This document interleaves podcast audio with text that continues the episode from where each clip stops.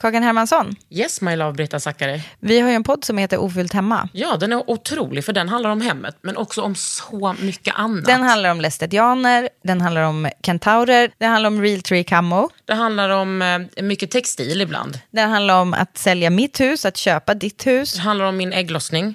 Alltid. Ja. Min också. Tack. Den heter Ofullt hemma och den finns där poddar finns. Hörs i podden, hej då! When you're ready to pop the question, the last thing you want to do is second guess the ring. At Bluenile.com, you can design a one of a kind ring with the ease and convenience of shopping online. Choose your diamond and setting. When you find the one, you'll get it delivered right to your door. Go to Bluenile.com and use promo code LISTEN to get $50 off your purchase of $500 or more. That's code LISTEN at Bluenile.com for $50 off your purchase. Bluenile.com code LISTEN. Det här är en podd från L. Maria Alin, Ja. alltså vet du vad? Jag undrar så här, varför har inte jag hittat dig tidigare? För jag tänkte så här, du borde vara en kompis till mig som eh, jag kan prata med om allt. ja, jag är så gärna din kompis. Under huden. Med Kakan Hermansson. Ja, men alltså varför har jag inte hittat dig då? Jag vet inte. Alltså, ja, Insta, är- det är många som finns på Insta. Det var ju så vi lärde känna varandra Ja. lite grann så. Men, alltså, men är, har du, hur länge har du bott i Sverige? Du, alltså jag flyttade från Oslo eh, när jag var 17. Men sen har jag liksom, Vadå, hur gammal är du nu? nu är jag precis fyllt 30. Shit. Firar livet. Jag var 17 när jag flyttade. Och nu är jag 30. Ja, Trädde? så. 30 säger man, eller 30. Ja. det finns olika. Jag är jättebra på norska men vi ska inte göra du, den jag här hörde podden. det här innan när du tog emot oss. Nej, men norska skills finns. Men åh gud, jag är så, jag är så nyfiken. Mm. Jag hittade dig på nätet och bara, vem, eller på Insta och bara, vem är du? Va, hur kan det finnas en kvinna som jobbar med de här frågorna som jag inte vet vem det är? Just det. På ett sätt är det ju underbart Ja, att, det fin- att vi det. Mm. är så många. Okej, men nu får du berätta vad det är du gör. Ja men vad härligt, vilken pepp. Nej, men jag driver ju Changing Attitudes, ungdomsorganisation som eh, motverkar attityder eh, som leder till sexköp. Och sen så är jag ute och föreläser om sexköp och porr. Eh, har skrivit en bok tillsammans med medförfattare som heter Visuell drog. Och eh, har träffat också i många års tid många personer i gatuprostitution. Ja. Framförallt i Stockholm men även i, jag tror jag räknade till att det blev 15 olika länder.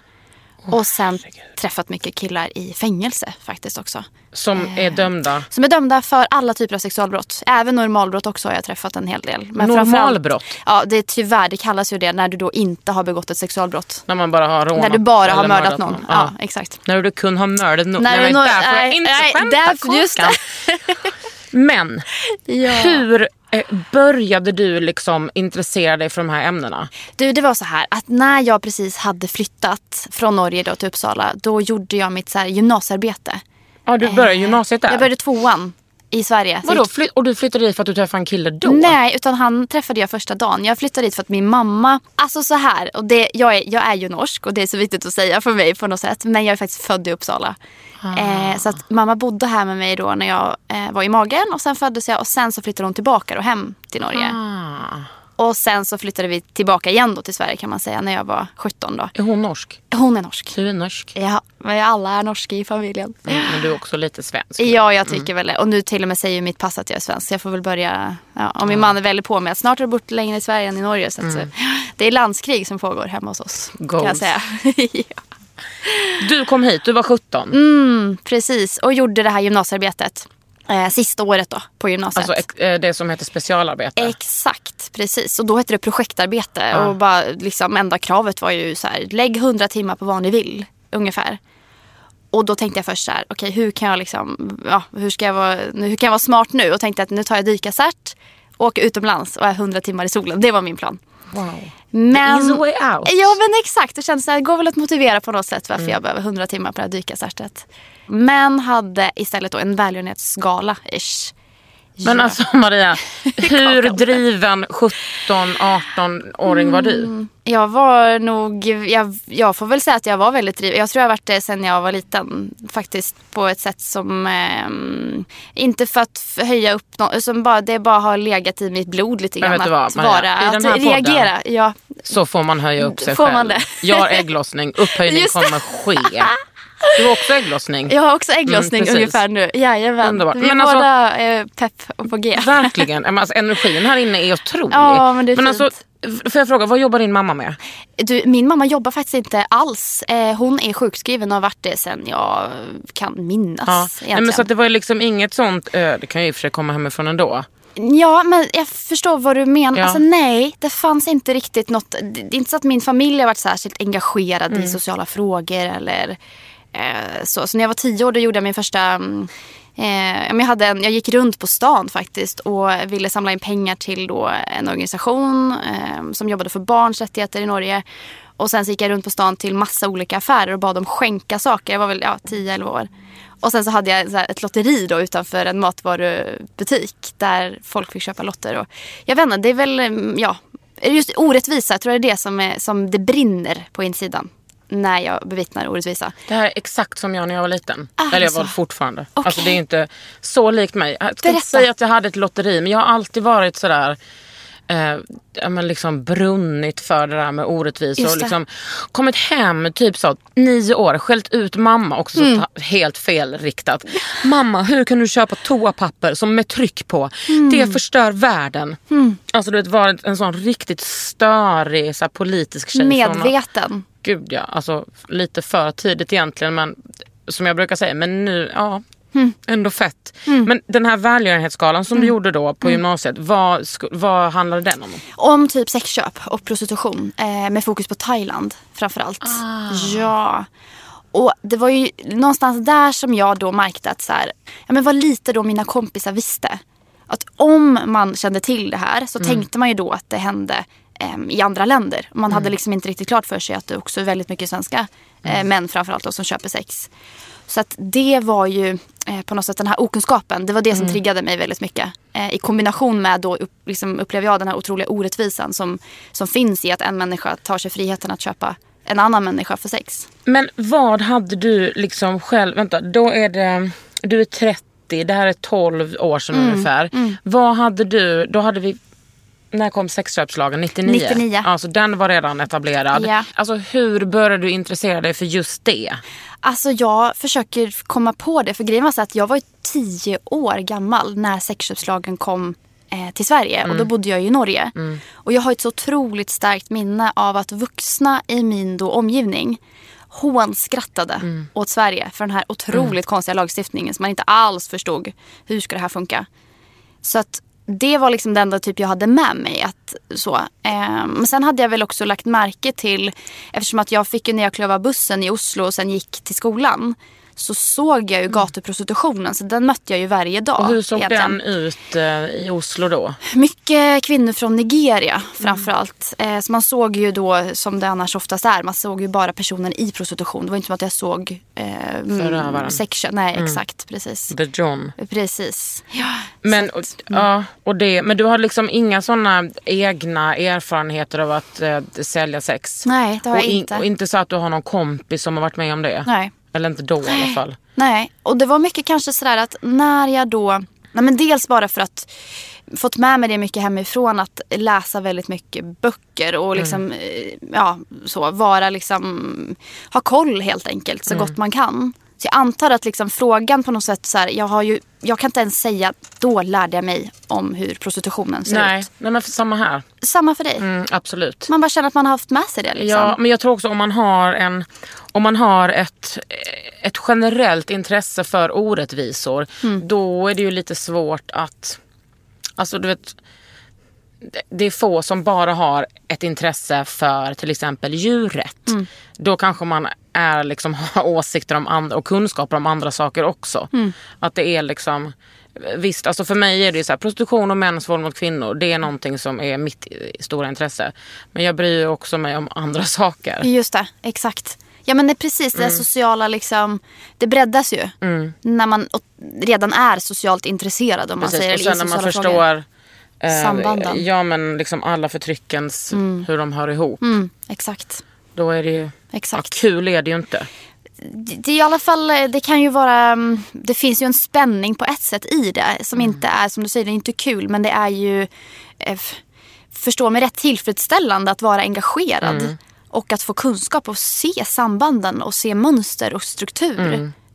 Absolut, jag. ja. Man känner att man har vaknat liksom. Ja och även fast vi har väl varit vakna länge. Jo, det får vi väl ändå Vi har varit säga. vakna jättelänge men det som, jag, det som är givande är ju att eh, få mer kunskap, Mm. känna att man blir mer smart. Och också att man hela tiden kan föra vidare det, alltså den kunskapen. Mm. Men det är ju ett jävla krig eftersom kapitalismen och kvinnohatet och rasismen bara det tuggar emot oss med Mm. liksom varenda liten millimeter natt och dag. Och Vi har att göra. Vi har Vi har- att fucking göra. Men du Maria, Ja. du, när du tog studenten, vad hände sen då? Mm. Nej men då var det faktiskt så här att ehm, det var ju faktiskt ett specifikt fall som, ehm, long story short, min frisör, ska jag säga före detta frisör i Uppsala dömdes eh, till, alltså för människohandel. För andra ändamål då. Eh, hon hade helt enkelt lurat hit tillsammans med ett gäng andra en man eh, som heter Pavel från, jag tror att det var Litauen som de tog honom ifrån. Så först var han i två och ett halvt år i Moskva där de tvingade honom att tigga då utan armar. Han saknade armar. Och hela grejen, hela hoaxet var då att man satte en skylt runt halsen på honom där det stod att hej jag heter Pavel ungefär, jag behöver pengar till proteser. Men han hade ju redan proteser, Ja. de hade ju liksom tagit då. Eh, Så två och ett halvt år i Moskva och sen så ja, ungefär två och ett halvt år i Stockholm och Uppsala också. Och han träffade jag på en dag och kände vad, vad är det här? Det här känns konstigt. Long story short så blev det faktiskt Sveriges första fällande dom för då människohandel för andra ändamål. Ah, han var liksom utsatt Han var för... utsatt för människohandel av då min frisör. Min liksom kvinnliga Ursäkta? frisör. Ja. Så, så Fick hon det. fängelse? Ja, det fick hon. Men skäms! Ja, och vet du, några år senare när hon släpptes ut. Då, jag såg henne faktiskt vid två till. En gång satt hon bakom mig på bio. Eh, du vet den här filmen Slumdog Millionaire. Ja. Som ju bland annat berör Ja. exploatering på det sättet. Och då satt hon faktiskt bakom mig i biosalongen. Eh, mm. Väldigt speciellt. Så det var ju definitivt en sån här liksom händelse som gjorde att man bara, vad är det Kom som du i pågår? kontakt med honom via henne? Ja, alltså på ett, ja, jag såg honom och sen så var hon där och sen så ja, var det, blev det till slut och upptäckte att det här var utnyttjande. Då. Ja, men så det var liksom tack vare dig det gick till rättegång? Ja, men bland annat kanske för att jag var väl som jag vet eller tror så var jag kanske huvudvittne då i det fallet. Så jag satt ju här i liksom Stockholm och vittnade. Men var, du blev inte utsatt för hot eller någonting sånt? Nej. För jag tänker att sådana där människoligor är liksom... Ja men man ska säkert inte ta jo, heter det kanske inte, men, ja. människohandelsligor. Ja, men hur är det med Eh, Pavel? Du, han, jag vet att, jag tror det var Expressen faktiskt som gjorde ett stort uppslag. Det här är ju många år sedan. Mm. Men som gjorde ett stort uppslag om honom. Eh, där man just kollade hur han mådde. Och då, vad jag minns rätt, så mådde han inte jättebra efter det här. Eh, nej. Så han hade det tufft. Han vågade inte ens sitta i samma sal faktiskt som dem. Utan han satt i ett rum bredvid och följde rättegången. Åh gud! Ja, så det var ju liksom, det var ju heartbreaking. Verkligen. Men, och från det så tänkte du bara, det här är min grej. Ja, men det här är min grej, verkligen. Eh, och när man gör den här resan, att man... I mitt fall då började jag med, liksom, ja, men kanske med mer övergripande kring människohandel. Och sen så människohandel för sexuella ändamål. Okej, hur ter sig det? Ja, men det ter sig som prostitution. Vad driver prostitutionen? Det finns ju massa olika faktorer men den viktigaste tycker jag är ju efterfrågan. Att vi alltså har människor som tar sig rätten att köpa andra för sex. Och där någonstans när man landar i efterfrågan och i sexköp.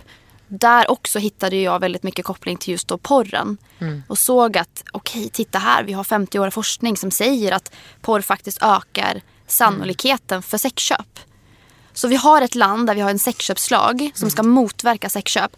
Parallellt med det så har vi porren som är helt oreglerad och som vem som helst kan nå när som helst, hur som helst, vilken tid på dygnet, vilken typ av porr som helst. Som vi alltså då i forskningen vet motverkar bland annat då sexköpslagen. Och det tänker jag det är ju helt, eh, det är Men bananas. också inte bara hur den, att den uppmuntrar till sexköp utan att den uppmuntrar till jag tycker att varje sexköp är en våldtäkt men hur, Mm. liksom hur den våldtäkten ser ut. Precis. Att, men också jag, jag, om det var igår, jag läste liksom att män, alltså yngre män som köper eh, då våldtäkt eller sex eller vad man säger. Att det liksom, de övergreppen är så mycket mer brutala. Och det handlar väl om att de är så himla porrskadade. Men det tänker jag också, nu pratar vi om, om porr och eh, prostitution men jag menar det märks ju också i vilket förhållande som helst. Tänker jag är straight, Just det. kanske också bögförhållande. Men jag känner mig så skonad Just det. f- för att vara lesbisk. Alltså det är som att jag bara, Just va? Alltså, Just det, när jag pratar med mina kompisar som har, alltså tjejkompisar som har sex med killar, jag bara okej. Mm. Jag menar att det är liksom så... Alltså vissa saker såklart, jag är inte dum men jag, att, alltså, alltså så här, rape games och sånt. Mm, exakt. Ja. Och vilket inte är ovanligt. Nej. Och jag menar berättelserna man tar del av. Besöka en skolklass till exempel. Mm. Och höra berättelser. Och framförallt ska jag säga DMsen som trillar in på Insta sen. Det är ju liksom... Efter du har eh, föreläst? Ja, Mm. det, kan vara, det kan vara allt möjligt. Men det är mycket det är mycket det här alltså att man någonstans... eh, Ja, men att den man kanske då har haft sex med har helt enkelt bara testat en hel massa saker utan att inhämta samtycke till exempel. Mm. Ehm, och där kan man också undra vart kommer inspirationen ifrån? Varför har vi plötsligt en hel generation med Mm. många då som tänder på strypsex? Det är klart att det har satts en standard någonstans ifrån och då får man ju titta på vilken källa är den största källan för barn och ungas eh, inspiration till sex idag och det är ju bland annat Inte porr. Bolibompa. Nej, precis. Men alltså en sak som jag tänker så här, jag hade en, alltså för hundra år sedan så hade jag en, en kompis vars eh, kompis jobbade på en strippklubb i Göteborg och hon berättade och det var liksom helt så nytt för mig då. Hon berättade att det var så himla många så businessmän som kom in där för att de ville bli trampade på. Alltså med så här stilettklackar. De ville liksom vara undergivna. Och för mig, det tyckte jag lät helt eh, normalt. Alltså det tänkte jag lät helt logiskt. Att om man är en person med makt i samhället så kanske man tänder på att vara den undergivna. Men så ser det ju inte ut generellt. För att i porren är det ju helt tvärtom. Där, där är liksom den manliga könsrollen aktiv, gränslös, alltså performativ på ett liksom eh, sjukt sätt. Och så ser ju också liksom så uppfostras ju vi tjejer att förhålla oss till Mm. den manliga köns, alltså könsrollen. Att vi lär ju oss att säga nej. Vi lär ju inte oss att känna efter om vi är kåt eller hur. Mm. att vi ska ordna ner eller testa sex. Utan vi förhåller oss till eh, vår sexualitet genom att förhålla oss till mannens hela tiden gränslösa Mm. sätt. Att parera, nej, att, så här, att liksom, jag vet inte hur många av mina kompisar som har förlorat förlorat oskulden inom citationstecken genom tjatsex. Just Alltså det är ju inte sex, det är våldtäkt. Mm. Men det är ju... Och, alltså en person till som säger att nästa generation kommer bli bättre. Mm. Shut the fuck up. Ingenting. Alltså det är sånt jävla önsketänkande. Mm. Ja, vi har en, ehm, en utmaning som nästan saknar motstycke. Ja. Vill jag faktiskt eh, använda stora ord för att mm, säga så. Och det jag framför allt ser är ju just att, om man tänker sig porren då, att eh, den är ju vuxenskapad. Det är inte barn och ungdomar som har skapat porrindustrin. Den är vuxenskapad och den bärs upp av vuxna människor som betalar. Och samtidigt så är det ju ändå barn och unga som väldigt ofta omedvetet snubblar på porr. Just för att porrindustrin är också Men hur väldigt duktiga. snubblar man på porr? Det räcker att du googlar, du googlar sex för att du är nyfiken. Du googlar liksom eh, bröst eller alltså så. För, och det är inte det du förväntar dig att se är ju inte det som då stora porrsajter visar upp. Så att du, du förväntar dig att få se om man säger sex utifrån vad, hur kan en åttaåring tänka kring Åh, det. Liksom. Ett nyfiket... Så, ja. Och sen är det någonting helt annat. Och där tänker jag att vuxenvärlden har skapat porren men vuxenvärlden vill inte ta samtalen om porren. Nej. Det är ju en sån orättvisa. Och där har vi det igen, just orättvisan som då liksom gör att det brinner på insidan. När du är ute och föreläser, vem beställer föreläsningen från dig då? Oh, eh, det kan vara em, myndigheter, det kan vara kommuner, det kan vara skolor.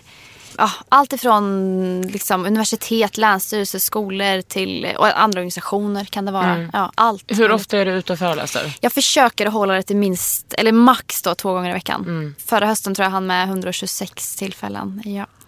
Och ser de ungefär likadana ut? Nja, det kan variera ganska mycket faktiskt. Det kan ju vara, jag menar träffar man en förskoleklass Då är det ju mer att man faktiskt kanske sitter i, du vet, sitter i en cirkel och pratar allmänt om nätet till exempel, om sociala medier. Och utifrån, Wow. ja, och jag menar även då, de tar ju faktiskt upp porr. Kanske de inte kallar det porr, men de säger att ja, men, jag har sett äckliga bilder till exempel. Och då förstår man ju att okej, nu pratar vi förmodligen om eh, porr här. För varje gång du är ute och föreläser, inte varje gång, men det, då sitter det folk i, som lyssnar på dig som har varit med om övergrepp i Ja. form av incest eller våldtäkt från partner. Vänta, våldtäkt från sin kille såklart. Även om absolut lesbiska övergrepp också sker. Men att det liksom, och också där på, på förskolenivå, fy fan vad vidrigt. Men det, att det är Det är mycket sånt man får ta hänsyn till. Ehm, och på något sätt ha med att, att det kan finnas många, med- alltså många med mycket sår då. eh, I publiken, absolut. Märker du det? Ja, men man märker det kanske mm, efteråt. Eh, ibland kan ju folk komma fram och då berätta olika saker. Eller också kanske man får ett långt mejl till exempel där någon säger att ja, men jag har varit med och det här det här. Eller, och väldigt ofta är det att man gärna vill, man vill bekräfta någonstans. Man vill ge en, en ytterligare en berättelse till det som kanske då har berättats i just föreläsningen. Och säga att det du tog upp då, liksom, det stämmer för att så här var det för mig. Kan du inte berätta lite hur eh, en föreläsning ser ut? Om du ska föreläsa för vuxna Nej, men då... och där du inte håller tillbaks. Just det, precis. Då kör jag ju ganska på så. Ja, Nej, men då går jag ju väldigt mycket igenom alltså, vad har vi för forskning, vad vet vi när det gäller påverkan. Har du någon sån bra början för att liksom få in publiken? Ja, alltså jag gillar ju att ha... ehm, Jag tycker så här, mina bästa tillfällen det är när det är typ 50% mig och 50% publiken. Alltså vem som pratar.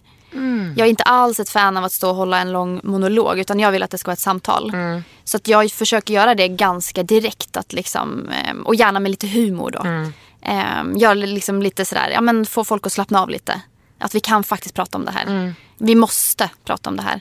Så att för mig är det mycket fokus på liksom, men gärna lite humor men också då forskning, fakta och berättelser från verkligheten. Alltså berätta vad säger ungdomarna själva. Vad finns det för eh, erfarenheter av? Är det liksom ungdomstårtbiten som du är, är mest intresserad av? Jo, men det är nog den jag brinner mest för. Barn och unga. Ehm, ja, det är det. Absolut. Och det är ju också så vi, om man tänker för Changing Attitudes, är också mycket så vi jobbar då. Så vår målgrupp är ju framförallt då unga. Ehm, mm. Hur många är det som jobbar på Changing Attitudes? Nu är vi, det varierar, men just nu är vi tre. Så det är jag och Jonathan och Gabriel som är anställda just nu. Och sen pendlar vi mellan, säg 4-6 tusen medlemmar ungefär. Och vad gör de här medlemmarna? Ja men de är ju, antingen kan man bara vara medlem för att stötta och säga nej till sexköp. Liksom. Eh, men också så kan man ju vara mer engagerad och då har vi ju massa, det vi kallar för CA, alltså förkortningen då för Changing Attitudes. Eh, CA-teams då runt omkring i landet. Så det är väl en, ja, någonstans mellan 10 och 15 olika städer nu som, som då har Changing Attitudes i sin stad. Och då är man ju som då medlem engagerad i det då CA-teamet och utbildar då. Det är det vi gör, vi utbildar. Ja, Och liksom dra runt på skolor Yes, precis. och arbetsplatser. Ja, det också. När börjar det bli obekvämt för åhörarna? Men det här är ganska intressant. Det börjar bli obekvämt för, jag tror aldrig varit med knappt med att bli obekvämt för en ung publik.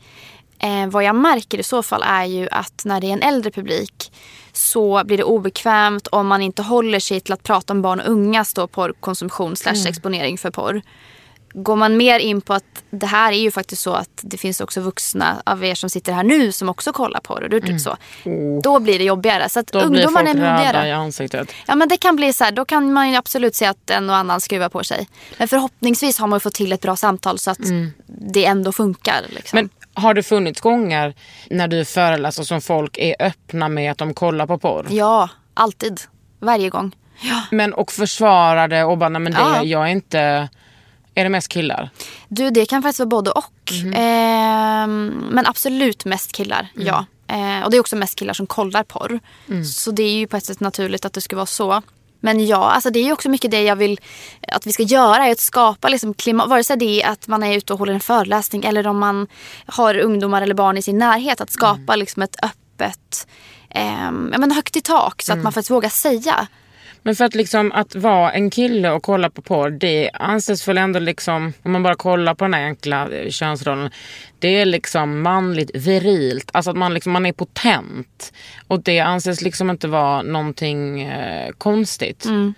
Men s- är det liksom, hävdar då de här killarna att så, nej, men jag har inte blivit skadad av det? Ja, det finns gott om dem som verkligen eh, hävdar att det här har inte alls påverkat mig.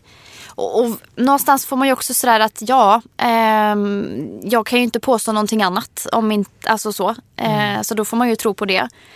Och sen så har jag också varit med om väldigt många som ehm, ja, men på något sätt kanske känt att eh, när jag var yngre, alltså man berättar någonstans att när jag var yngre då var jag så säker på att det här inte påverkade mig. Och nu när jag är lite äldre så ser jag någonstans att äh, det kanske inte var helt problemfritt Nej. att jag hade fri tillgång till fysisk och liksom verbal aggression hela tiden. Och det är väl också det du har skrivit om i visuell drog. Mm. Att, det, att det liksom också, förutom att det är skadligt, att det kan bli en, liksom ett beroende. Ja, i allra högsta grad.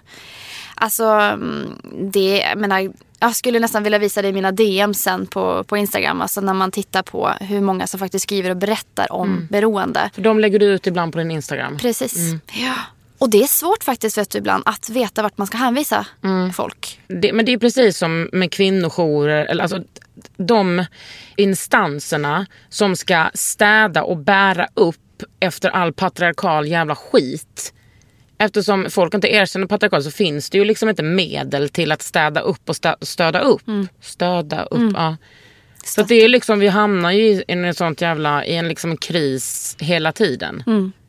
Ja, det, är, det, är ju en kris, absolut. Eh, och det är en kris utifrån vem som blir alltså utsatt för våld och, och övergrepp och att hantera det. Eh, det är en kris utifrån att hantera potentiella förövare och förebygga den förebyggande verksamheten. Och sen till slut där du sitter där med då ungdomar som är beroende av porr och som faktiskt inte lyckas. Vad de än gör, de fixar inte att sluta. Och sen har du en vuxenvärld då som inte ens har tagit samtalet.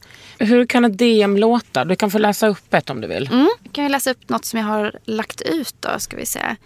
Då kommer det säkert vara på engelska. Mm. Och de skickar liksom till dig på din, på din privata Maria Alin. Mm. Exakt. Alin Maria. Mm. Och när, varför skickar de det? För att de har läst boken eller för att de har varit på någon föreläsning eller sett något TED-talk eller något? Ja, alltså nu har det varit väldigt mycket kopplat till, till TED-talket senast då. Så att nu sitter jag väl med, jag har säkert 45 obesvarade DMs om typ bara då porrberoende. Och då är, det mest killar? Absolut mest killar. Också några tjejer. Ja, och det är framförallt porrberoende men också även, man kan ju ta mm, en klassisk grej som jag ibland får höra är ju att min partner är porrberoende. Är det okej för mig att säga till min partner att jag inte vill att vi ska ha porr i vår relation?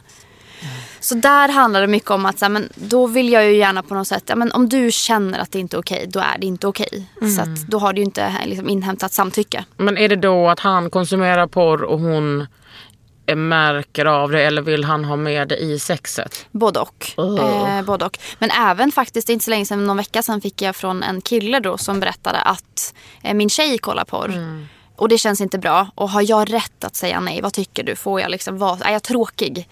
Om jag Nej, inte vill. det inte. Nej, det är du inte. Precis. Fan, det, det som är så kul att ha sex liksom. Exakt. Och det är det jag tänker att vi kan vara, utifrån att prata om det här så kan vi vara sexpositiva. Vi kan liksom vara, vilja vara liksom hälsofrämjande. Ja, Och det att vara sexpositiv är att vara porrkritisk. Precis. Jag skulle inte riktigt säga att jag är sexpositiv i den bemärkelsen.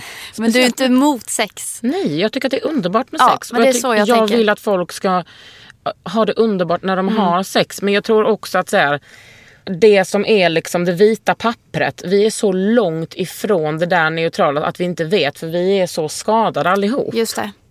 Exakt. Men jag tror ändå att vi har sluppit undan väldigt bra. Vi är lesbiska. För att alltså, kolla på lesbisk porr, det går ju inte. Eller alltså, jag, jag tror säkert många gör det. Men alltså, det, det finns inget tråkigare än lesbisk porr. Är det så? Alltså det är liksom... Alltså det är så tydligt att det inte är gjort av lesbiska för lesbiska Ja. utan det är gjort av män för Alltså det är så tråkigt. Ja, ja, ja, ja, ja. Det är som du att jag bara, så. jag vet ingen. Jag har aldrig haft sex så här. Nej, nej. Nej men, men jag orkar, alltså, jag blir utbränd, Just utbränd på tanken av lesbisk porr alltså. Alltså just det, att det är män som producerat det för män. Ja men det är liksom vad... vad alltså också så här, har ni, har ni inte frågat någon lesbisk hur vi har sex? Mm. Utan det är liksom... Det är väldigt mycket så penetrationsfokus såklart. Mm. Just för att de, så de är så heteroskadade. Ja, ja, enough about that. Du kan, Nu tar vi ett DM. Mm. Ska vi ta ett DM här nu? Ska vi se. Jag kan ju ta ett positivt då. Det här var då en kille som skrev efter TEDx-taket då. Och först skrev han ungefär så här, tack och, du, du, du, och berättade lite grann sin historia. Sen säger jag så här, it really helped me. Since I watched it I stopped watching porn. I think this is now three to four weeks ago. Och så svarar jag så här, wow, det här är ju liksom fantastiskt. Och kollar du, liksom, är du fortfarande sober from porn? Säger jag då. Så säger han så här, yes, still sober. Så den la jag ut för inte så länge sedan. Gud vad underbart. Mm, det är faktiskt härligt. Under huden med Kakan Hermansson. Hey, I'm Ryan Reynolds. At Mint Mobile, we like to do the opposite of what Big Wireless does. They charge you a lot, we charge you a little. So naturally, when they announced they'd be raising their prices due to inflation, we decided to deflate our prices due to not hating you. That's right. We're cutting the price of Mint Unlimited from $30 a month to just $15 a month. Give it a try at mintmobile.com slash switch. $45 upfront for three months plus taxes and fees. Promo rate for new customers for limited time. Unlimited more than 40 gigabytes per month. Slows. Full terms at mintmobile.com. Mom deserves the best, and there's no better place to shop for Mother's Day than Whole Foods Market. They're your destination for unbeatable savings, from premium gifts to show-stopping flowers and irresistible desserts. Start by saving 33% with Prime on all body care and candles. Then get a 15-stem bunch of tulips for just $9.99 each with Prime. Round out Mom's menu with festive rosé, irresistible berry chantilly cake, and more special treats. Come celebrate Mother's Day at Whole Foods Market. Men då när man är beroende av porr, vad är det man är beroende av? Är det att få orgasm?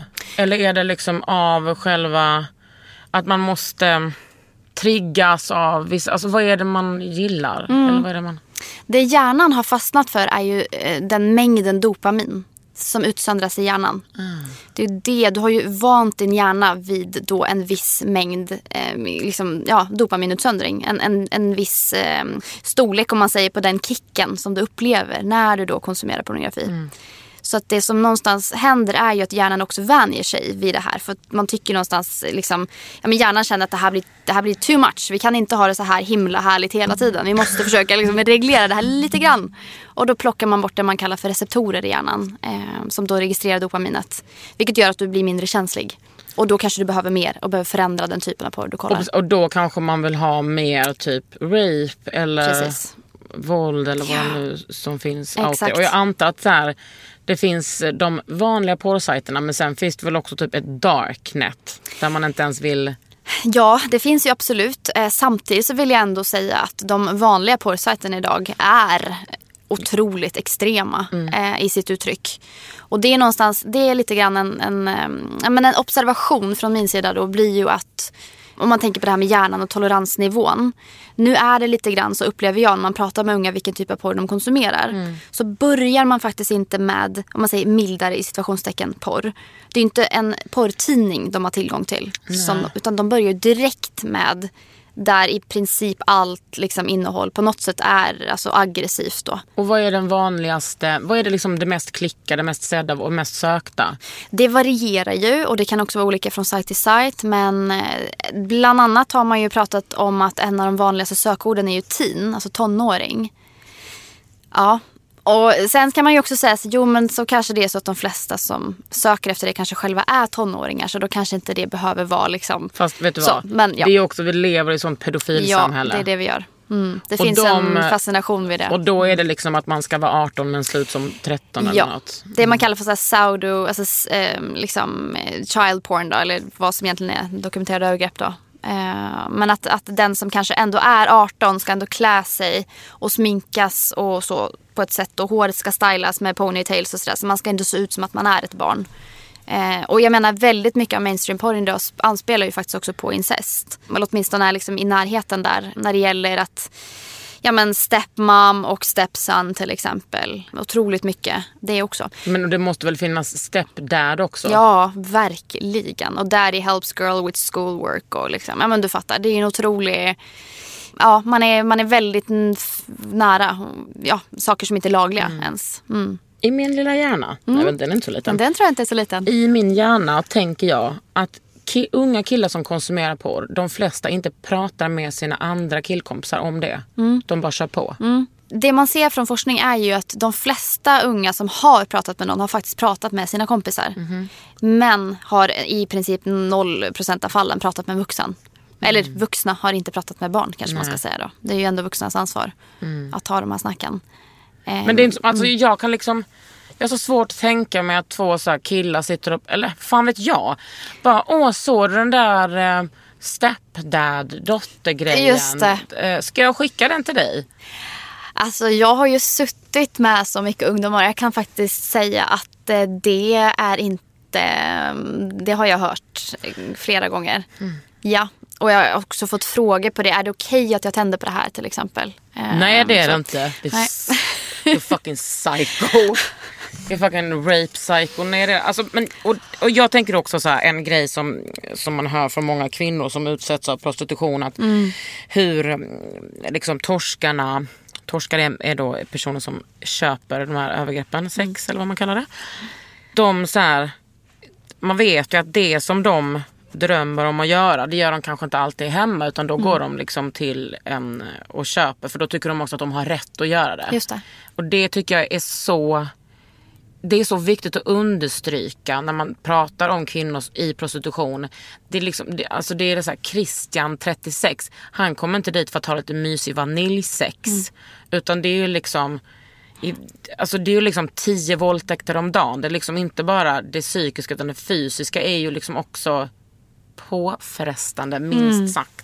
Och jag menar det är ju också vanligt att ehm, alltså väldigt många personer i prostitution tar ju faktiskt emot, alltså en av de vanligaste förfrågningarna är ju just att imitera porr. Alltså att sexköparen då visar upp porr i princip. Och, och eftersom vi vet att den typiska sexköparen i Sverige, även om det också finns andra typiska eh, sexköpare, så oftast är ju den personen i en relation och, ja, och har någonstans då önskemål om saker som inte då en partner vill ställa upp på. Som, som han kanske inte ens har frågat om. Som man inte bara- ens har frågat om. Nej, inte vågat fråga eller så har man fått ett nej Det är riktigt fråga. också som Madonna Hora-komplex. Väldigt Att så. man ska ta ut sitt härliga kvinnohat på... Min kvinna ska inte utsättas för det här men horan på gatan, henne får jag göra vad jag vill Mm. och med. också så känns det väldigt... ehm, att det har väldigt starka rasistiska inslag. Extremt.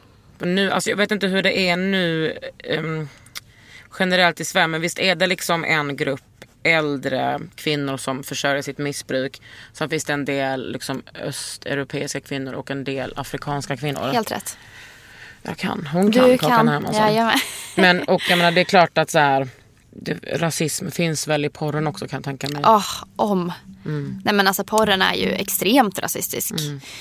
Ja, med liksom porrscener där en eh, vit kvinna då eh, ska straffas genom att eh, liksom fem, sex då eh, svarta män får då ha sex med henne. Att det är liksom ett straff då. Alltså hennes man ska straffa Ja, till exempel. Ja, jag Mm. menar det är ju ja, det är extremt rasistiskt och stereotypiskt också väldigt mycket. Att den svarta Eh, mannen bara är sex. Han är bara precis, han är djurisk. Mm. Eh, den svarta kvinnan är, henne ska vi förknippa med liksom savannen i något afrikanskt land. Latinska personer ska ut så här, så här. är den asiatiska ska vara mm. liten. Alltså det är en otrolig stereotypisk och rasistisk industri. Mm. I du- allra högsta grad. Jag skulle vilja liksom att du alltså, prata om lite fakta. Typ det som du säger på dina föreläsningar. Ja. Det skulle jag liksom vilja höra om. Ja. Alltså, jag vill ha hard facts. Ja, hard facts. Eh, nej, dels när det gäller då, eh, ungdomar som konsumerar pornografi så har vi någonstans mellan 91 till 96 procent ungdomar, killar som någon gång sett porr. Ungefär hälften av tjejerna har någon gång sett porr. Skämtar du? Nej, så ser det Typ ut. alla ko- killar... Stay away girls. Och grejen är så här, när man är i ett klassrum och säger den siffran så är det väldigt vanligt att man får reaktionen. Om man säger så här, men 96% av killarna någon gång kollat på då är oftast reaktionen, vilka är de andra 4 procenten? Alltså av alla vi känner så har ju alla kollat på det så det här kan ju inte stämma. Är man med en vuxen publik, Den som är... då blir de chockade. Det är den 4 procenten som är chockad. Ja, eller alltså det, att man säger att, att uh, ungdomarna tycker att det borde stå 100% Ja, här. precis. Medan när man träffar föräldrarna så säger de Va, 96%. Nej, nej, nej, inte mitt barn. Mm. Så det är ju liksom ett, ett glapp där. En annan del är också att 7% av ungdomarna säger att ja, men jag kollar mer på det än jag vill. Exakt vad det står för det kan vi spekulera i. Jag är rätt säker på att det bland annat står för att man är beroende. Vilket Mm. jag som sagt då möter hela tiden. Och jag menar, det är bara, då är det 7 procent med självinsikt. Om, vi vet inte hur många procent som... Exakt. Som inte ens kanske har testat att sluta kolla på det. Och inte ens då har liksom identifierat att det finns ett, ett beroende. Ehm, Och då är det beroende såklart kopplat till massa ångest. Massor. Ångest och och oro och det kan också finnas, det finns ju också samband här mellan då eh, porrkonsumtion finns också, så framförallt hos högkonsumenter de som kollar om jag säger i princip varje dag så finns det samband till att ha ja, men, liksom, psykisk ohälsa då bland annat. Så att eh, ja absolut och många också som jag har intervjuat och träffat berättar just att man också använder porren för att dämpa känslor av ångest, oro, stress. Att det kan vara en verklighetsflykt till exempel. Någonting annat är jobbigt så jag kastar mig på porren här nu. Mm. Så att ibland kanske inte det är så att det är... ehm, Det är inte det sexuella primärt. Precis. Det kan vara någonting annat som är underliggande. Som man behöver liksom bemöta. Ja, och alltså precis som jag tänker att det, det har att göra med när eh, liksom torskar köper övergrepp. Att det handlar inte om sex, det handlar om makt. Liksom.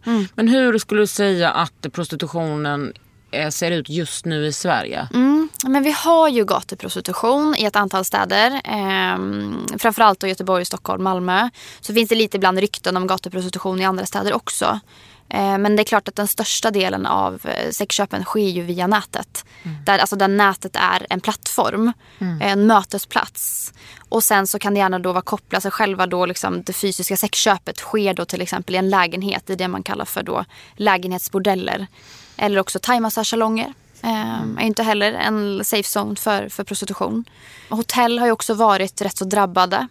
Men det börjar bli bättre. Man börjar liksom få upp ett, ja, ett bättre arbete, ett samarbete då mellan polis och hotell till exempel. Alltså jag kan inte tänka mig ett värre ställe än en lägenhetsbordell. Nej. Alltså, är de tjejerna, är det, han, pratar vi liksom om trafficking där, att de är inlåsta? Det kan det absolut vara. Det finns ju så många eh, som absolut är utsatta för det man i då lagens mening kallar för, för människohandel och för sexuella Det, det finns väl ändamål. ingen kvinna i världen som bara, då går jag till jobbet och då går jag till den här eh, lägenhetsbordellen och så går jag hem efter några timmar. Mm. Alltså det är väl ingen, så ser det väl inte ut? Nej, det är ju väldigt ofta människohandel eh, i bakgrunden och, eh, och åtminstone hallickverksamhet, alltså att Mm. man har en hallick. Och sen så, det man liksom på något sätt eh, behöver ha med sig är ju att, precis som du säger, alltså prostitutionen är ju så otroligt, eh, den är fattigdomsdriven Mm. till väldigt stor del. Och vi har ju absolut om man säger eh, svenska medborgare då, som befinner sig i prostitution oftast kopplat till missbruk och psykisk ohälsa. Men sen så har vi också en stor del människor från eh, unga tjejer då från östeuropeiska länder men också afrikanska länder eh, där man helt enkelt har eh, på något sätt så har man lockats hit. Och om det är så att man ändå vet att jag ska hamna i prostitution så kanske inte alltid villkoren var som man trodde och så vidare. Men någonstans tänker jag sådär att det är liksom det viktiga här är ju att du faktiskt du har människor som är beredda att betala andra människor för någonting de faktiskt inte vill göra från första början. Sexköp är ett samtyckesbrott. Då är en part som vill ha sex och så har du en part som inte vill ha sex. För om båda hade velat ha sex så hade de här två kunnat träffas på krogen och sen gå hem. Men det är ju inte fallet utan Nej. en vill inte och därför ligger pengar eller annan ersättning på bordet. Så det är ett samtyckesbrott. Och det är det som har hänt nu efter den här underbara lagen. Att vi har fått en dom Ja. mot en man Yes. som har köpt en kvinna. Ja. Det var typ den bästa dagen i mitt liv. Nej, alltså, För då stort. öppnade sig liksom Ja. Då öppnade sig allt. För jag tänkte, alltså för mig känns samtyckeslagen som, alltså jag kan inte förstå att den har gått igenom för att vi har ett sånt sexistiskt och utes, liksom utestängande, oinkluderande, exkluderande eh, lagar. Mm. Jag kan inte förstå hur den har gått igenom. Jag är så jävla glad Mm. för det. Att vi kan applicera detta på prostitution. Alltså, Det är fantastiskt. Och det, i det fallet så var det ju den här mannen då eh, kunde man styrka då via eh, alltså att han i text då fått information om att hon var då utsatt för människohandel. Eller att han misstänkte det på något sätt och ändå har han då eh, liksom, ja, köpt sex av henne. Så att då dömdes ju han faktiskt för, eh, för samtycke, alltså för våldtäkt. Ja. Så det är så coolt och det har ju fått ripple effects. Ja, eh, precis. Exakt. Have fun in jail motherfucker. Så det är ju historiskt faktiskt. Eh, och det är ju Madeleine Leijonhufvud som ska ha mycket av äran Ja. där. Alltså. Det är hon Rest som... in eh, peace. Rest in peace. Ida Östersson, vi ser dig också. Ja, verkligen Ida. Ja, verkligen. Så det är ju Det såna liksom- hjältar som har kämpat. Mm. I motvind. det som jag tänker, den motvinden då förutom normen, är ju också alltså hela manssamhället. Hur liksom, när du föreläser, träffar du män som vågar säga Tycker inte att det är något fel att köpa sex? Ja, alltså som är så dumma i det. huvudet att de bara... Ja, det har jag varit med om. Flera gånger. Hur Eh, uttrycker de sig? Att, eh, men hon vill ju, alltså de är väldigt mycket myt eh, så bundet då. Eh, Lyckliga horan. Lyckliga horan. Hon vill, eh, jag stöttar henne, jag försörjer henne. Ibland Eh, ligger vi bara och pratar Ibland efter. pratar vi bara, precis. Att, eh, det är en, det är ett, och också mycket det här att det är ett utbyte mellan två vuxna människor. Så what is the problem? Eh, Men jag ska säga att framförallt de här attityderna möter man gärna utomlands i större utsträckning. Gud, än alltså vad jag Europa i är Sverige. verkligen... eh, Alltså jag tänker Tyskland och Holland är ju, alltså normerna där, de är så jävla liberala. De är så dumma i huvudet liksom att, du kan ju förklara problemet med Tyskland. ja. Alltså inte generellt utan Ja, när det kommer till när det kommer till just prostitutionen. Eh, nej men hjälp, alltså vart ska man börja? Tyskland har ju... Eh, Ja, det är lagligt. Det är lagligt, alltihopa är lagligt. Eh, stora bordeller, det finns ju bordeller som är som så lägenhetsbordeller då men som är liksom bara våningar på varandra med, då alla rum då är ja, men, rum då där du får köpa sex då. Och eh, det finns ju olika siffror då. Eh, det här är inte så liksom, det är en ganska gammal siffra. Men man uppskattar att det finns då 400 000 personer i prostitution i Tyskland. Och de flesta är ju inte från Tyskland utan från andra fattiga länder. Eh, Eller områden i andra länder som är fattiga. Och eh, runt, eh, det är också en uppskattning då, 1,2 miljoner sexköp sker då per dygn i Tyskland. Ja, Och så är Tyskland så stolta för att detta anses vara ett arbete. Och att man då kan betala skatt.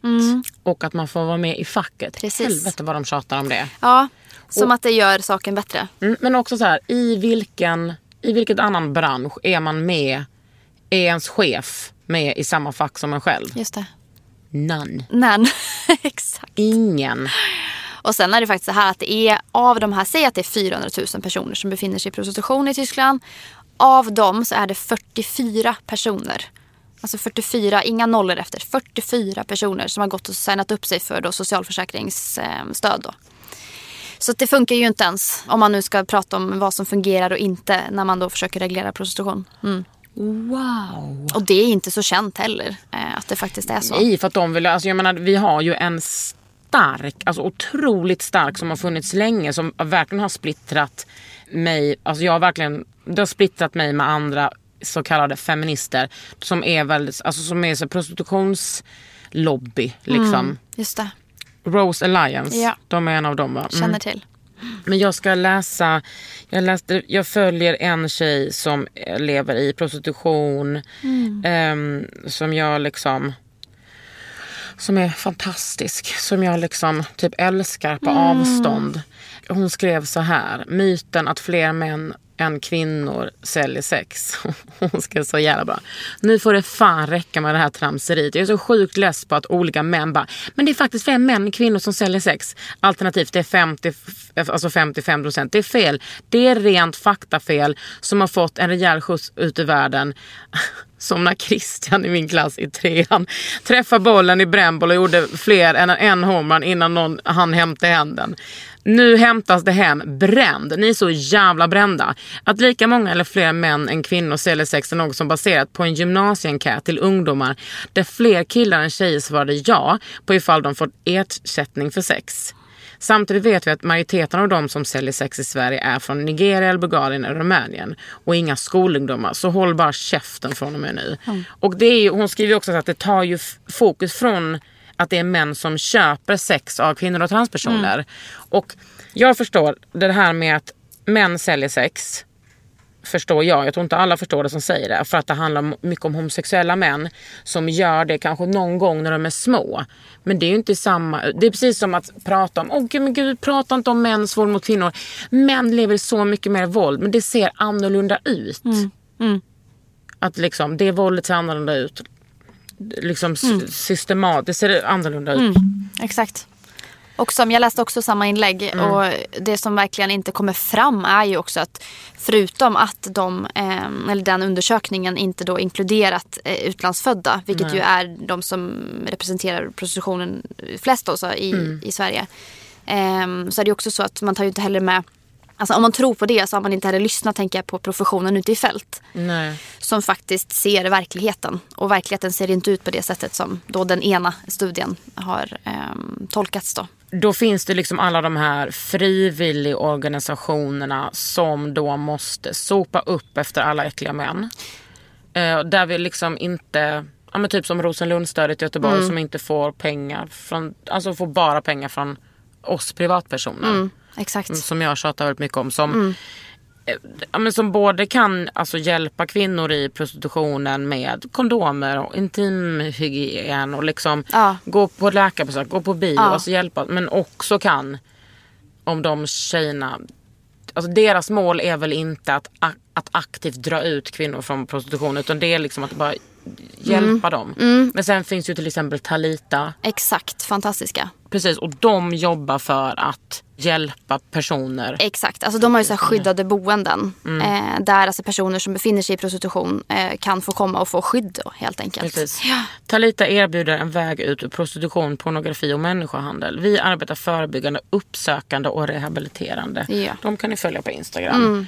Att detta är ju någonting som, om jag ser då tillbaks på 90-talet när jag kanske började intressera mig för detta. Där det, jag ska inte säga att det bara var vi punkfeminister som intresserades för detta. Men alltså på vår tid när vi hade så här en patch där det stod krossa porren. Alltså folk skrattade ju bara åt oss. Men nu känns det som att fler har förstått att det här är liksom, alltså det här är också en klimatkris. Just det. Alltså det är en människokris. Det är en global hälsokris. Mm. Ja, absolut. Vars effekter vi inte ens har någon aning om ännu. Nej, alltså, vi men vi har, vi har ju ändå aning om Men som vanligt är det, det är vi kvinnor som oftast driver de här frågorna. Mm. det är inte jättemånga som lyssnar på oss. För vi bara är bara liksom klagande feminister. Mm. Men det undrar jag med dig. Faktiskt när jag, liksom, jag, när jag upptäckte det, jag bara fan vad kul. En sån här ung snygg tjej som pratar om det här. Undrar hur det mot, mottas. Alltså, för jag har ju ändå varit som en ful feminist. För mig har det varit, jag är jättesnygg nu absolut. Du är men så fräsch. Jag är jättesnygg. Ägglossning, tränat, allting har topp. Nej men jag menar att det är så här, hur mottas du? Får du mycket hat och hot? Eh, nej, jag har, vet inte vad som gör att jag inte får det. Ehm, och det tänker jag någonstans att det har ju inte, oavsett vad man gör så är det den som ger hat och hot som liksom ja, bär ansvaret för det. Men eh, om man bara ska spekulera i varför jag inte får det. Jag, jag vet inte om jag ens har kommit fram till något svar där men jag har, nej, jag har inte fått särskilt mycket Är det för alls. att du är liksom är inform- att du bara lägger ut information? Att det inte bara, det är liksom inte åsikter? Det kanske är lite det, möjligen, ja. Att Kanske man... är bra på att inte vara störig, vad vet jag? Ja. Men det är ju störigt att vara en feminist som pratar om det här. Alltså jag tror väl att... ehm, vad ska man säga? Alltså det, det jag, alltså, jag tänker på det här själv och undrar varför, liksom, varför inte jag drabbats av det här? Eh, vilket såklart är skönt att slippa för man vet att det, det är ju fruktansvärt. Men någonstans tänker jag också sådär att i då, liksom, när jag tänker på det så tänker jag att jag vill typ inte fokusera riktigt på varför jag inte har fått det. För jag tänker att fokus ska ju ligga på att människor gör det. Ja, Alltså, men jag så. tycker att det är så intressant. Det är väldigt intressant. Vad är det som, och då, ja, precis. Och det som i så fall verkligen är intressant är ju vad är det som sticker i ögat. Alltså vad är det som gör folk så pissed? Mm. Är det när det blir åsikter eller är det, ja, vad är det som Jag är upplevs så störigt? Här har, här har det hatats på. Har det det? Du har fått mycket hat? Gud ja, alltså, ja, ja, ja alltså, Berätta. Nej men alltså ett tag undrar jag hur många män är det som ändå jobbar heltid med att hålla på och skriva. Alltså var jag än befann mig så var det liksom blö, blö, blö. Men det är ju också bland annat för att jag har uttalat mig om polisen och det var eh, det eh, upprörde många eh, kan jag förstå med hur jag, vad jag sa. Men det är ju en kombination liksom av att vara tjock, lesbisk, kvinna som liksom inte...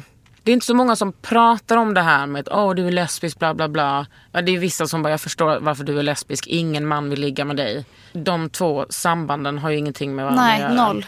Och jag vill ändå berätta att det finns de som finns de som vill det ligga finns med faktiskt de som vill ligga med mig. Nej, men, Om du ändå frågar. om, du ändå, om vi ändå är inne på det. Mm. Men nu får jag typ inte så mycket. Men det är bara för att jag håller mig rätt low key. Och nu så tycker jag liksom den här podden har ju blivit en, en, liksom ett, en bra, ett bra utlopp för mig. Utlopp. Ja, Ja, det heter ja det. men Ja, visst. Ett bra avlopp. Ja. Nej men för mig är det bra liksom, alltså här, det är så hands on här inne. Mm. Och faktiskt, alltså från att varit i offentligheten i ja, men, drygt tio år. Nu det, finns det så många fler feminister i offentligheten Just än det. när jag eh, först befann mig där. Just det. Ja, exakt. Så nu är det liksom, nu, nu är fler som säger samma sak. Mm. Visst. Alltså en sak som jag, som jag absolut, nu när jag tänker efter här, eh, det är ju i och med TEDx-taket då. Eh, så har du ju, Berätta om, om det. Ja men alltså åh, eh, världens största utmaning. Eh, men så, alltså det roligaste jag har gjort på länge. Just för att nivån eh, som jag har upplevt det har varit väldigt hög inom, eh, alltså inom hela TED Talks liksom, världen. Du får en egen coach. Eh, Aha. ja, alltså de du blev satsar. inbjuden. Man blir inbjuden och sen så köttar man liksom manus och presentation och ja men här ska du ha den, liksom, här ska du lägga betoning på det, här ska kroppsspråket vara sådär. Så det är en otrolig... Men det är inte det där 6,- 6,20 minuter. Det är, inte, det är inte så det är längre. Vad är det för någonting då? Nej, men back in the days var det väl typ lite så ehm, att man skulle, men det kanske inte var, te- oh, gud vad heter det? Nu vill jag säga Dua Lipa, men det är det inte. det är en sångare. Ehm, jag vet, och och så sitter folk nu och säger detta och när vet de exakt lyssnar vad på... du menar. Ehm, nej men jag höll ett sånt snack en gång om prostitution. Jaså? Det var på Wow. Moderna i Malmö. Petra Kucha! Jaså? Jag bara, Aldrig hört talas Dua om. Lipa. Petra Kucha heter det. Just det. Ja men jag höll ett sånt. Om prostitution? Ja, och vet, du vet vem Andrea Dworkin är? Ja. ja nej men alltså, Nej, men ja. Hon var absolut galen. Hon var ju liksom en, hon var ju väldigt transfob i sin feminism. Eh, men hade man bara fått klippa av det så var Precis. hon ju en fucking hjälte. Ja. För hon var så tidig med liksom att, att eh, kritisera porr och prostitution. Mm. Och är liksom, hon har verkligen varit min förebild när det kommer till att säga nej till manstillvändhet i alla situationer i Mm. livet. Och hon höll en föreläsning när dog hon? 2005. Alltså hon höll, hon, det var liksom, måste varit något år innan dess, en föreläsning om prostitution. Som jag liksom skrev ner och gjorde till ett Oh, tak. Som att det var jag som höll. Alltså Det Ja. var väldigt så här, det eh, kan jag få ett glas vatten? Alltså det var allting var, då går alltid folk och hämtar ett glas vatten. Det kan ju inte de veta. Nej men det var liksom, det var så sjukt för att på den, det var mycket blandat folk på den där grejen. Och en, en man höll ett snack om kärlek. Och du vet lite sån här liberal gubbjävel som bara liksom, allting var så härligt. Typ visade bilder på så, ett hjärta så ett par som kysstes och sen kom jag upp jag bara, och jag var så nervös. Jag trodde på riktigt att jag skulle kissa på mig. För det här var liksom så grovt jag skulle prata om. Ah. Och, men jag hade översatt till svenska. Finns det ute? Jag kan kolla. Ja, kolla. Och då så sa jag, hej men jag ska också prata om kärlek. Men en annan slags kärlek. Och pratade om det. Och det är så grovt. För att hon, hon liksom var inte blyg med orden om man Mm. Nej. säger så. Men nog om mig. Nej, Berätta om ditt TED-talk. Hur långt var det? Du ska ju hålla ett TED-talk. Come inte. on. Ja, men någon gång jo, kanske. Men glid ditt- upp och säg Hello. hello. Ehm, ja, nej men alltså, åh, det, var, det var så kul och det var fantastiskt att man fick chansen att prata porr känner jag. Men var gjorde du det Supercoolt. någonstans? I Göteborg. Ja. Ja. Och så filmas det så hela världen kan se Ja, precis. Alltså hur långt är det? Det är ju, vad är det, en kvart, 17 minuter tror jag att mitt blev. Ja. Så det ska ju ligga där någonstans mellan 15 och 18 du minuter. nöjd? Jag är jättenöjd. Mm. Är jag. 100% nöjd. Jag har ingenting jag skulle vilja ändra. Jag är supernöjd. Gud, vad skönt. Det är så skönt. Tänk vad jobbigt om man hade någonting man störde Ja, sig på. Ja. Verkligen. Men jag tycker att så här, nej, jag, jag gjorde mitt bästa och jag tycker att det gick jättebra. Och, ja. Men på tal om då, alltså det vi var inne på tidigare med sexism och hat Mm. och sådär. Där om man bara läser kommentarerna, så man inte, skiter i vilka DMs jag har fått. För där har det varit två fula av liksom hundra trevliga. Men på kommentarerna på YouTube, där kan man ju bli lite mörkrädd. Ja. Och jag, ärligt talat så känner jag att det rinner av mig som vatten på en gås. Couldn't Ja. care less. Det är de som har ett problem. Men det Ja. är skrämmande att man pratar om en här, människas "Oj, utseende. Varför blir du så arg? Varför blir du här, så- gubben?" Ja. Är det för att du vill sitta och runka och rape? Ja men ja, och det är mycket så här, eh, ja men kritisera liksom klädsel Ja, och såklart. du fattar. Ja, och det gör man ju Gud. när man, som Greta Thunberg sa för inte så länge sedan, att det gör man ju när man faktiskt inte har någonting annat att komma med. Så det tänker jag det är rätt, eh, det förklarar liksom, det sätter lite så här ehm, vad ska man säga? Det, jag menar, här har du ett tak om porr och sexism och liksom sexistiska attityder och sex, Man behöver bara aggression. luta sig tillbaks och, och Lite se så. resultatet. Ja. Men du, om vi nu då sammanfattningsvis, om jag ställer dig frågan, vad kan vi göra Mm. för att liksom make better place. Ja, jag ska säga get educated. Ehm, alltså läs på, ehm, lyssna på poddar, kolla dokumentärer, gå på konferenser, läs böcker, kolla TED-talks. Alltså skaffa dig kunskap och sen framförallt om du har barn och unga i din närhet så måste du ta det här snacket med barn och unga om porr. Inte en gång. Nej, absolut inte bara en gång. Och inte kanske tänka att oh, nu har jag lyssnat på Kakans podd, nu ska jag ha det här stora porrsnacket. Utan Nej. portionera ut det, glid in liksom lite smidigt i andra samtalsämnen och så. Så att det blir en naturlig sak att prata om. Och såklart ha ett kritiskt perspektiv. Och jag tänker också så här att om man känner att okej men hur ska jag prata med barn om porr? Det känns ju som världens läskigaste grej. Så tänk att oftast är det inte det. Jag kan göra det och då kan faktiskt vem som helst göra det. Ja, och jag menar det är ju alltid bra att, ha nå- eh, att man pratar med sina barn om sex generellt. Ja, Även om det kan vara också lite pinsamt eller konstigt. Men det kan man ändå göra på ett bra sätt. Det kan man faktiskt göra på ett bra sätt. Man kan prata sex, man kan prata sociala medier, man kan prata liksom nätet, man kan prata din kropp, min kropp, integritet, Stopp gränssättning. min kropp. Exakt. Det har de ju lärt sig tidigt. Det är bra. Det har de faktiskt lärt sig. Och jag tycker även det skulle man kunna bredda till att också säga stopp din kropp. Ja. Förstår du vad jag tänker då? Just för att liksom lära sig att för att, jag menar, har du ett barn och så har du en äldre förövare. Det barnet kan ju säga nej hur mycket man vill. Men om en förövare vill förgripa sig så kommer det ju ändå hända. Men att också lära barn att respektera andra barns gränser. Är ju att förebygga. Mm. Och speciellt killar. Ja, det är ju ändå flest killar som begår övergrepp. Så det är definitivt viktigt.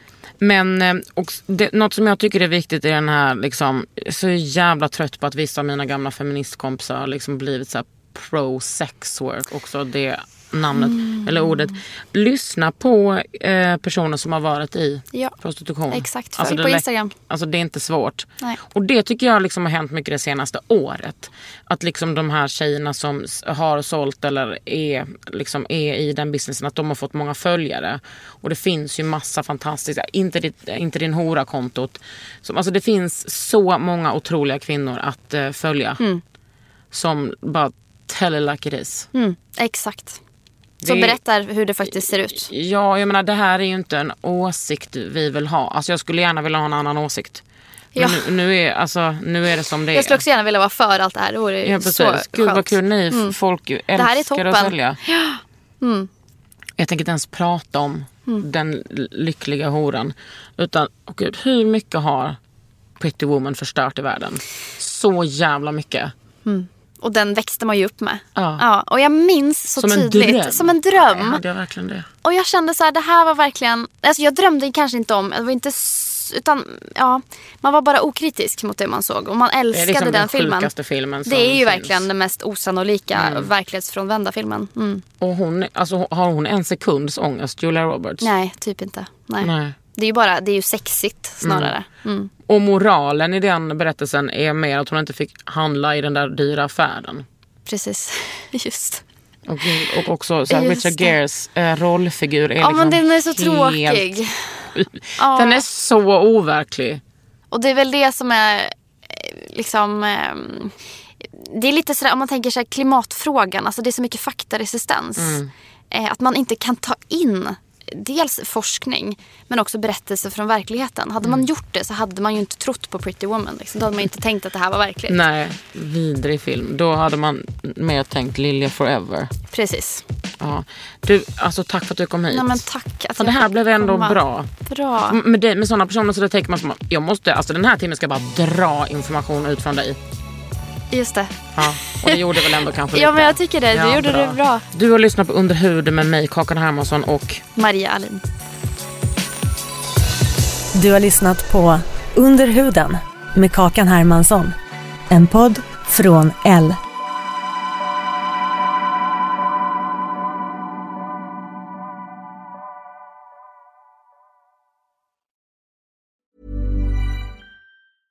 Normally, being a little extra might be a bit much, but not when it comes to healthcare. That's why United Healthcare's Health Protector Guard fixed indemnity insurance plans, underwritten by Golden Rule Insurance Company, supplement your primary plan so you manage out of pocket costs. Learn more at uh1.com. Planning for your next trip? Elevate your travel style with Quince. Quince has all the jet setting essentials you'll want for your next getaway, like European linen, premium luggage options, buttery soft Italian leather bags, and so much more. And is all priced at 50 to 80% less than similar brands. Plus, Quince only works with factories that use safe and ethical manufacturing practices. Pack your bags with high-quality essentials you'll be wearing for vacations to come with Quince. Go to quince.com/pack for free shipping and 365-day returns.